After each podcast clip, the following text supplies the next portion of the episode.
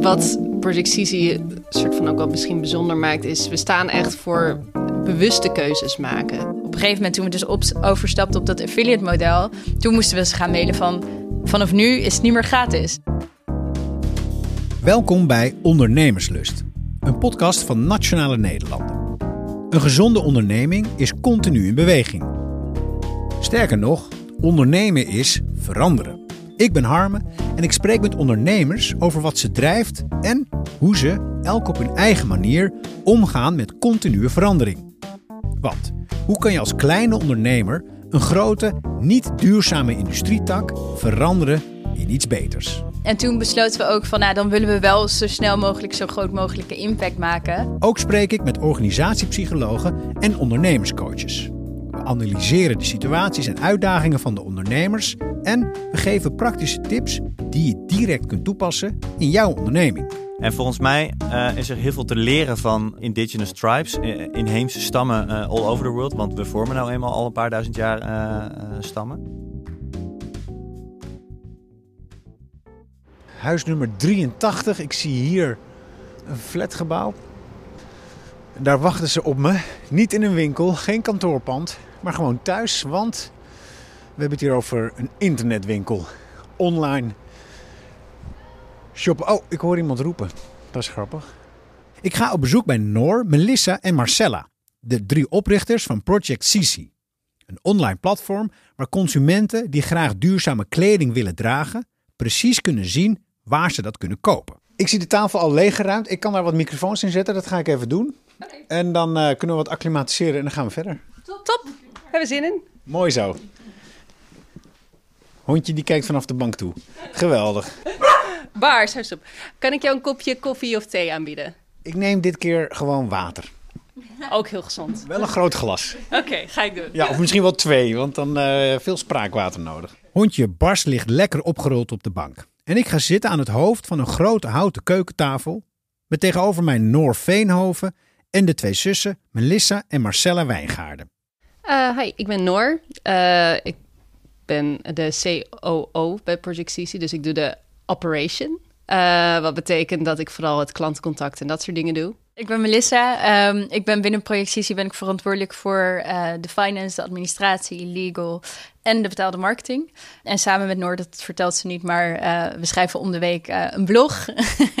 Daar zijn we destijds mee begonnen om ook onszelf wat meer te leren over de duurzame mode-industrie. En ja, door die blog zijn we heel veel dingen gaan uitzoeken en hebben we echt best wel veel geleerd ook. Ik ben Marcella. Ik ben bij Project CC vooral verantwoordelijk voor de tech en de data.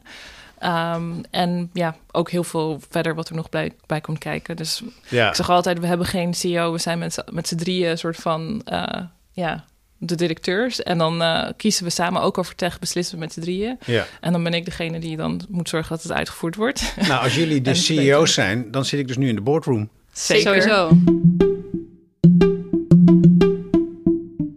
Productie staat voor ja, verduurzaming van de kledingindustrie. En het, we zijn het echt begonnen omdat we zelf tegen een probleem aanlopen. Ik denk dat heel veel mensen tegen hetzelfde aanlopen. Dat je wel uh, dingen duurzamer wilt doen of op een betere manier. Maar dat je niet weet hoe of waar te beginnen. Of uh, in het geval van mode zijn mensen zich er heel vaak niet eens van bewust. Want jullie waren alle drie op zoek naar duurzame kleding. Dat was meteen al wat jullie onderling uh, bond. Nou ja, we hadden allemaal. we kwamen er met z'n allen langzaam achter van.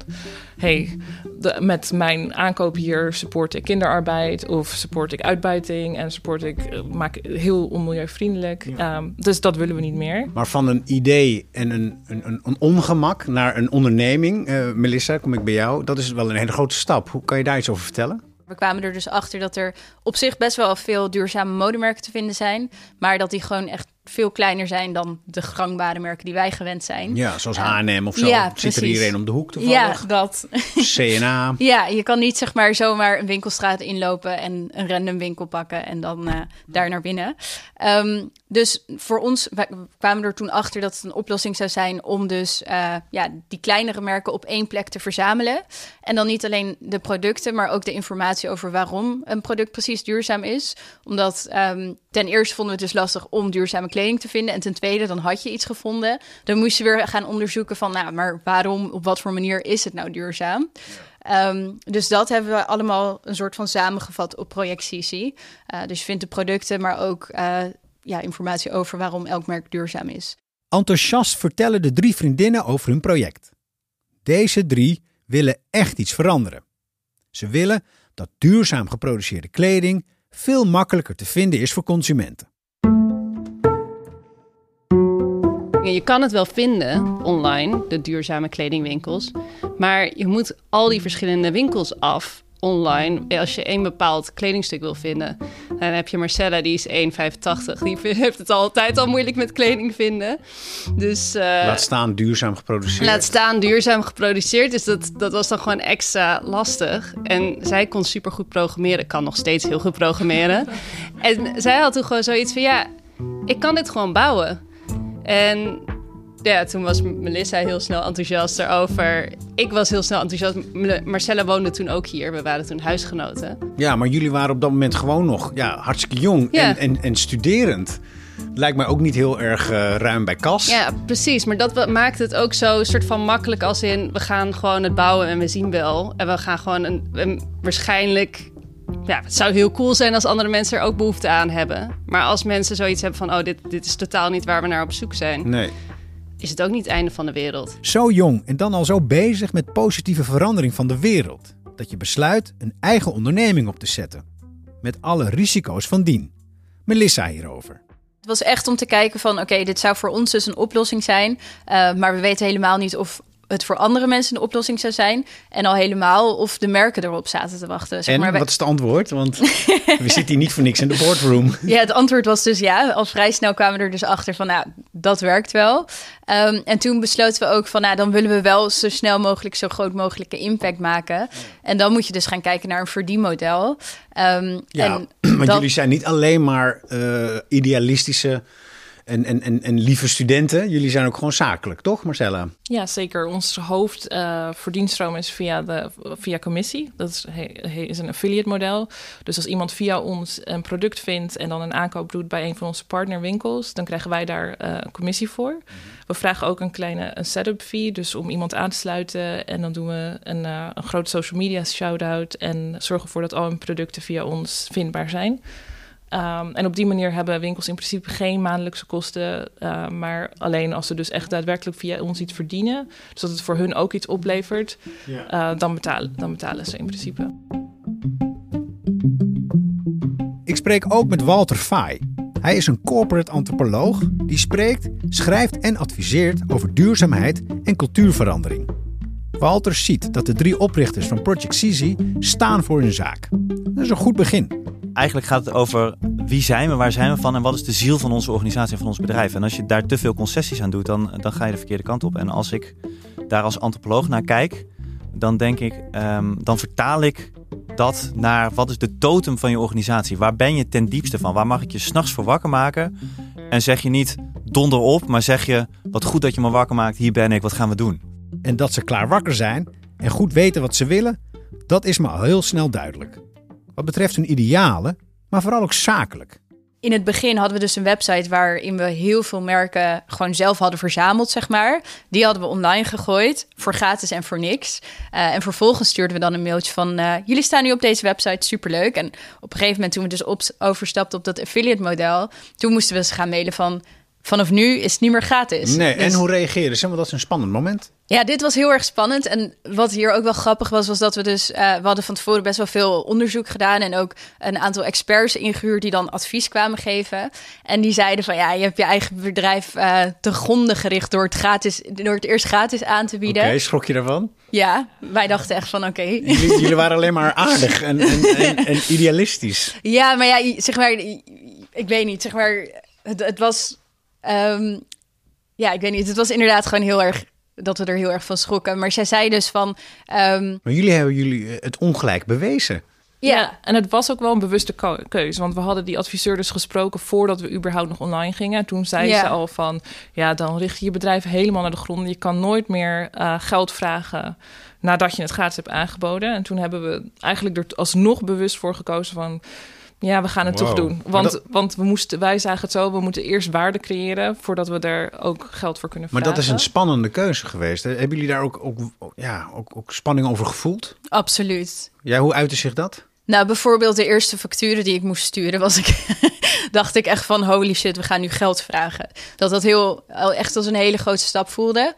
Um, maar hoezo holy shit? Want, want vond je het impertinent? Of? Nou, ik vond het, um, zeg maar, je, je claimt dan dus echt, zeg maar, je zegt heel duidelijk, dit zijn wij waard. Ja. En daarvoor is, is het um, een soort van magisch getal wat je niet, zeg maar, benoemd hebt. Deze vrouwen eisten hun ruimte op. Niets doen was geen optie. Als je echt iets wil veranderen, moet je soms je angsten overwinnen. Zo begonnen ze met het sturen van facturen en tot een opluchting kwam er geld voor terug. Noor hierover.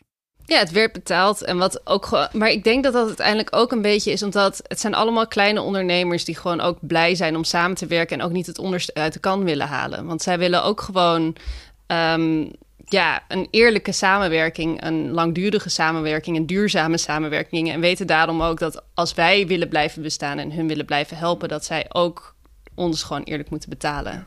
En dat zijn gewoon allemaal hele aardige mensen. Dat helpt ook. nou, gelukkig maar. De vrouwen kregen hun geld, de onderneming draaide. Maar er ontstonden al snel nieuwe uitdagingen. Want hoe ga je om met grote techreuzen als Google en Facebook die zorgen voor jouw zichtbaarheid online, maar die zelf niet altijd zo ethisch en verantwoord in het leven staan als deze drie startende ondernemers? Je zou wel zonder ze willen, maar kan dat ook? Walter Fay snapt het dilemma maar al te goed.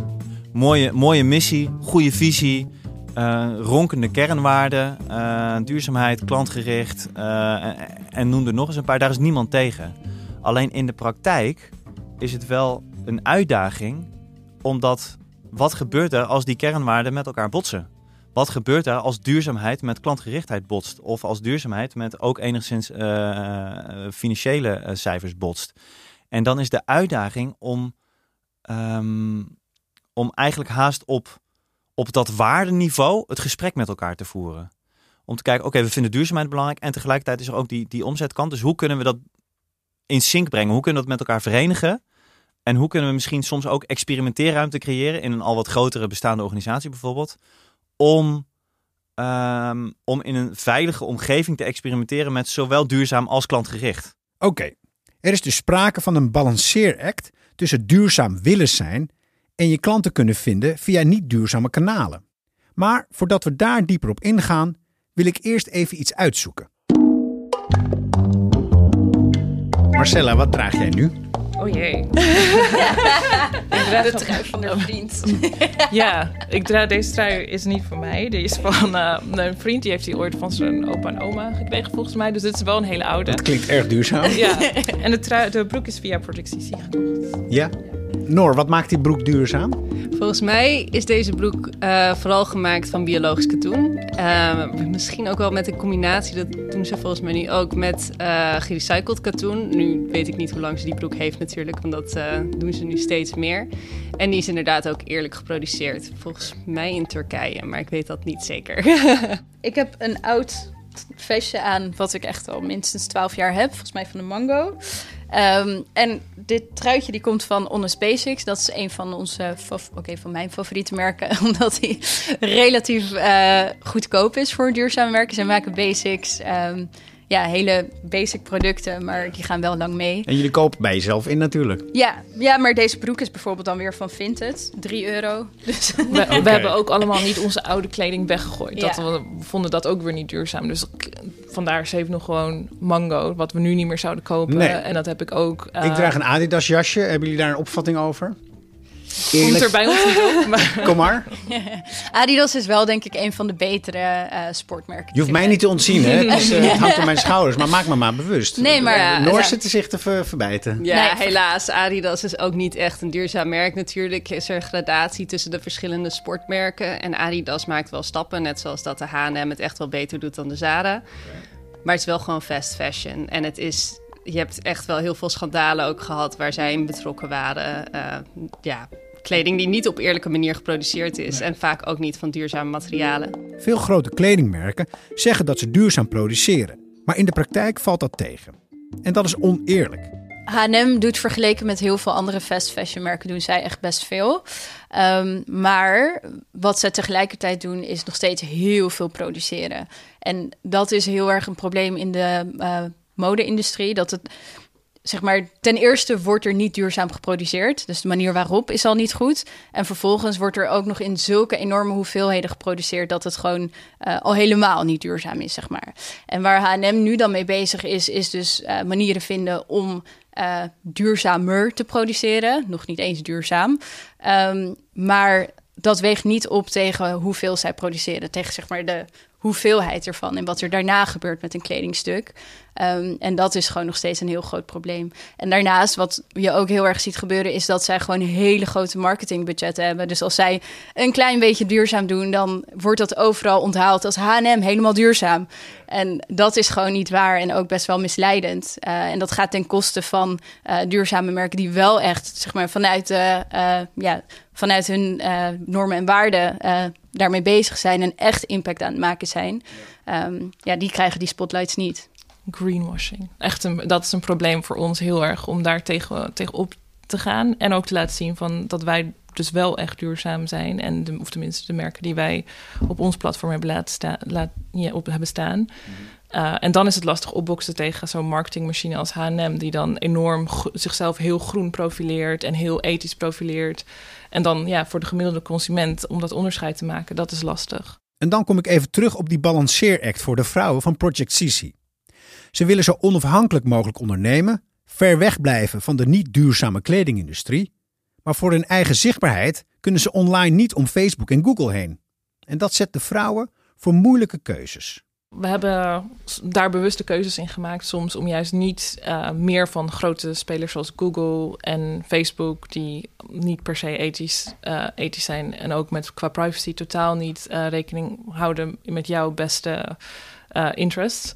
Uh, dus waar, waar, mogelijk hebben we ervoor gekozen om dan niet voor Google uh, Analytics te kiezen, bijvoorbeeld. Um, we gebruiken dat helemaal niet, um, omdat eigenlijk Google Analytics niet alleen op onze website weet wat jij doet, maar omdat uh, meer dan 80% van het internet Google Analytics gebruikt, weet Google wat jij doet op meer dan 80% van het internet. Maar jullie committeren je dus op die manier ook aan andere vormen van ja. Ja, duurzaamheid, wel, welzijn, maar ook ja. een beetje beschaving eigenlijk. Ja, dat, dat we zijn soort van niet duurzaam op soort van maar één aspect. Ik denk, of ethisch op één aspect. Ik denk dat dat juist vaak uh, op meerdere soort ja, kanten uh, samenkomt. En daar maken we wel bewust keuzes in, ja. Ja, jij wilde nog wat zeggen? Ja, Google bijvoorbeeld, uh, wat een van de bewuste keuzes is wat het ook wel echt best wel lastig maakte, is in betaalde marketing uh, werkt Google gewoon heel goed.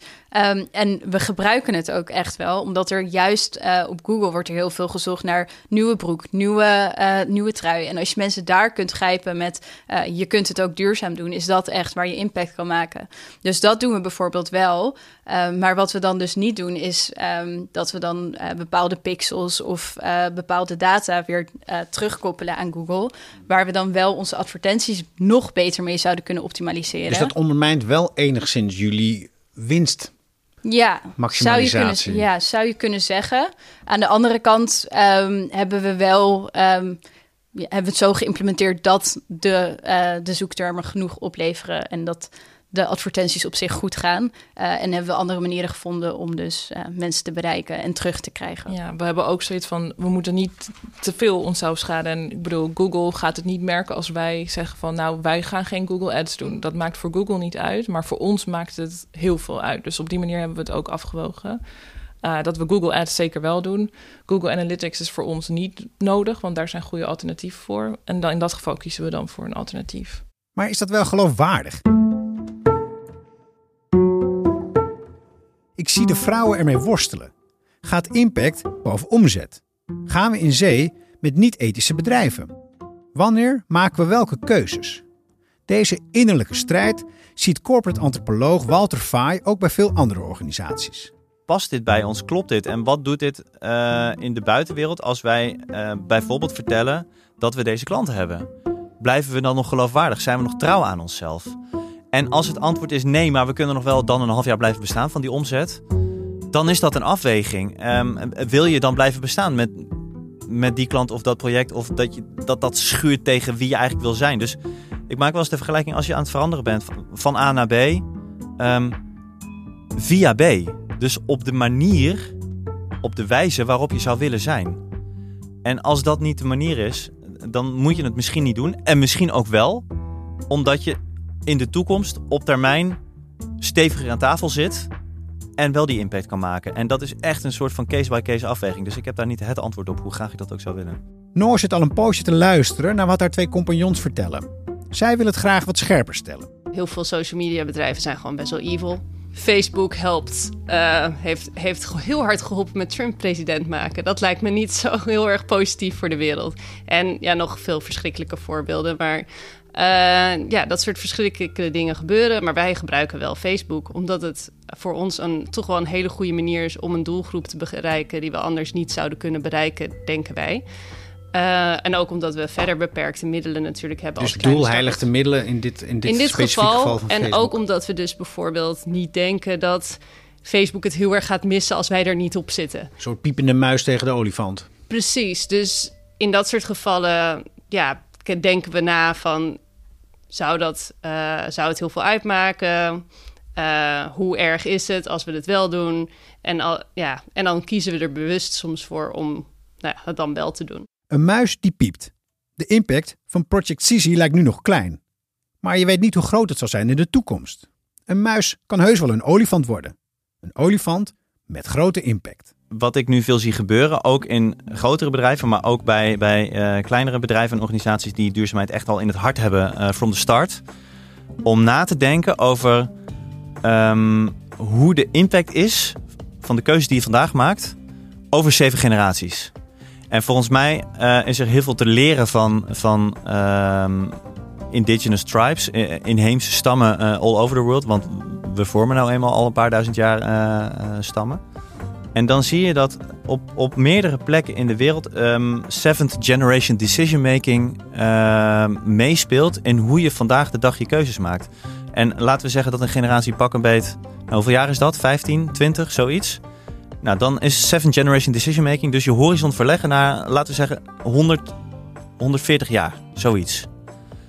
En natuurlijk kun je nog niet helemaal voorspellen hoe de wereld er over 100 jaar uitziet. Sterker nog, een week geleden konden we niet voorzien waar we nu zijn.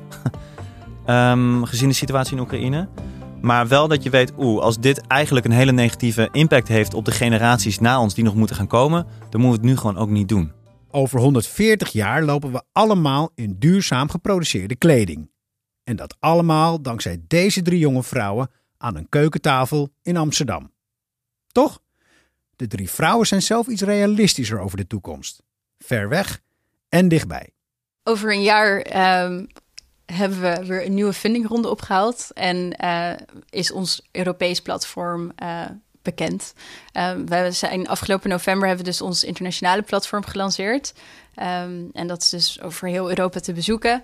En over een jaar wordt daar ook echt actiever gebruik van gemaakt. Je voelt soms echt die positiviteit op het moment dat je echt ziet dat er nieuwe winkels bij komen, klanten bij komen. Als er, nou ja, als Melissa op tv komt ergens. Dat, uh, dat zijn allemaal dingen die, die echt heel erg meteen zijn van oké, dat is goed voor het bedrijf en goed voor de wereld en goed voor mij. Dus daar word je gewoon heel erg blij van op heel veel kanten. Ik denk dat dat echt wel nog een stuk positiever voelt dan als je nou ja, bij een bedrijf zou werken of bij zelfs een duurzaam bedrijf zou werken. Dus dat is heel erg een, een ding. Het geeft om, ja, wel echt voor voldoening om productie zo van te zien van hoe het begonnen is en dan hoe het nu is en hoe je dan reacties blijft ontvangen. En ja, dat is gewoon echt heel erg leuk. Je hoorde het verhaal van Noor, Melissa en Marcella van het duurzaam kledingplatform Project Sisi. Wil je meer van dit soort verhalen horen en lezen? Of wil je weten hoe Nationale Nederlanden jou als ondernemer support biedt? Kijk dan op nn.nl/slash ondernemerslust.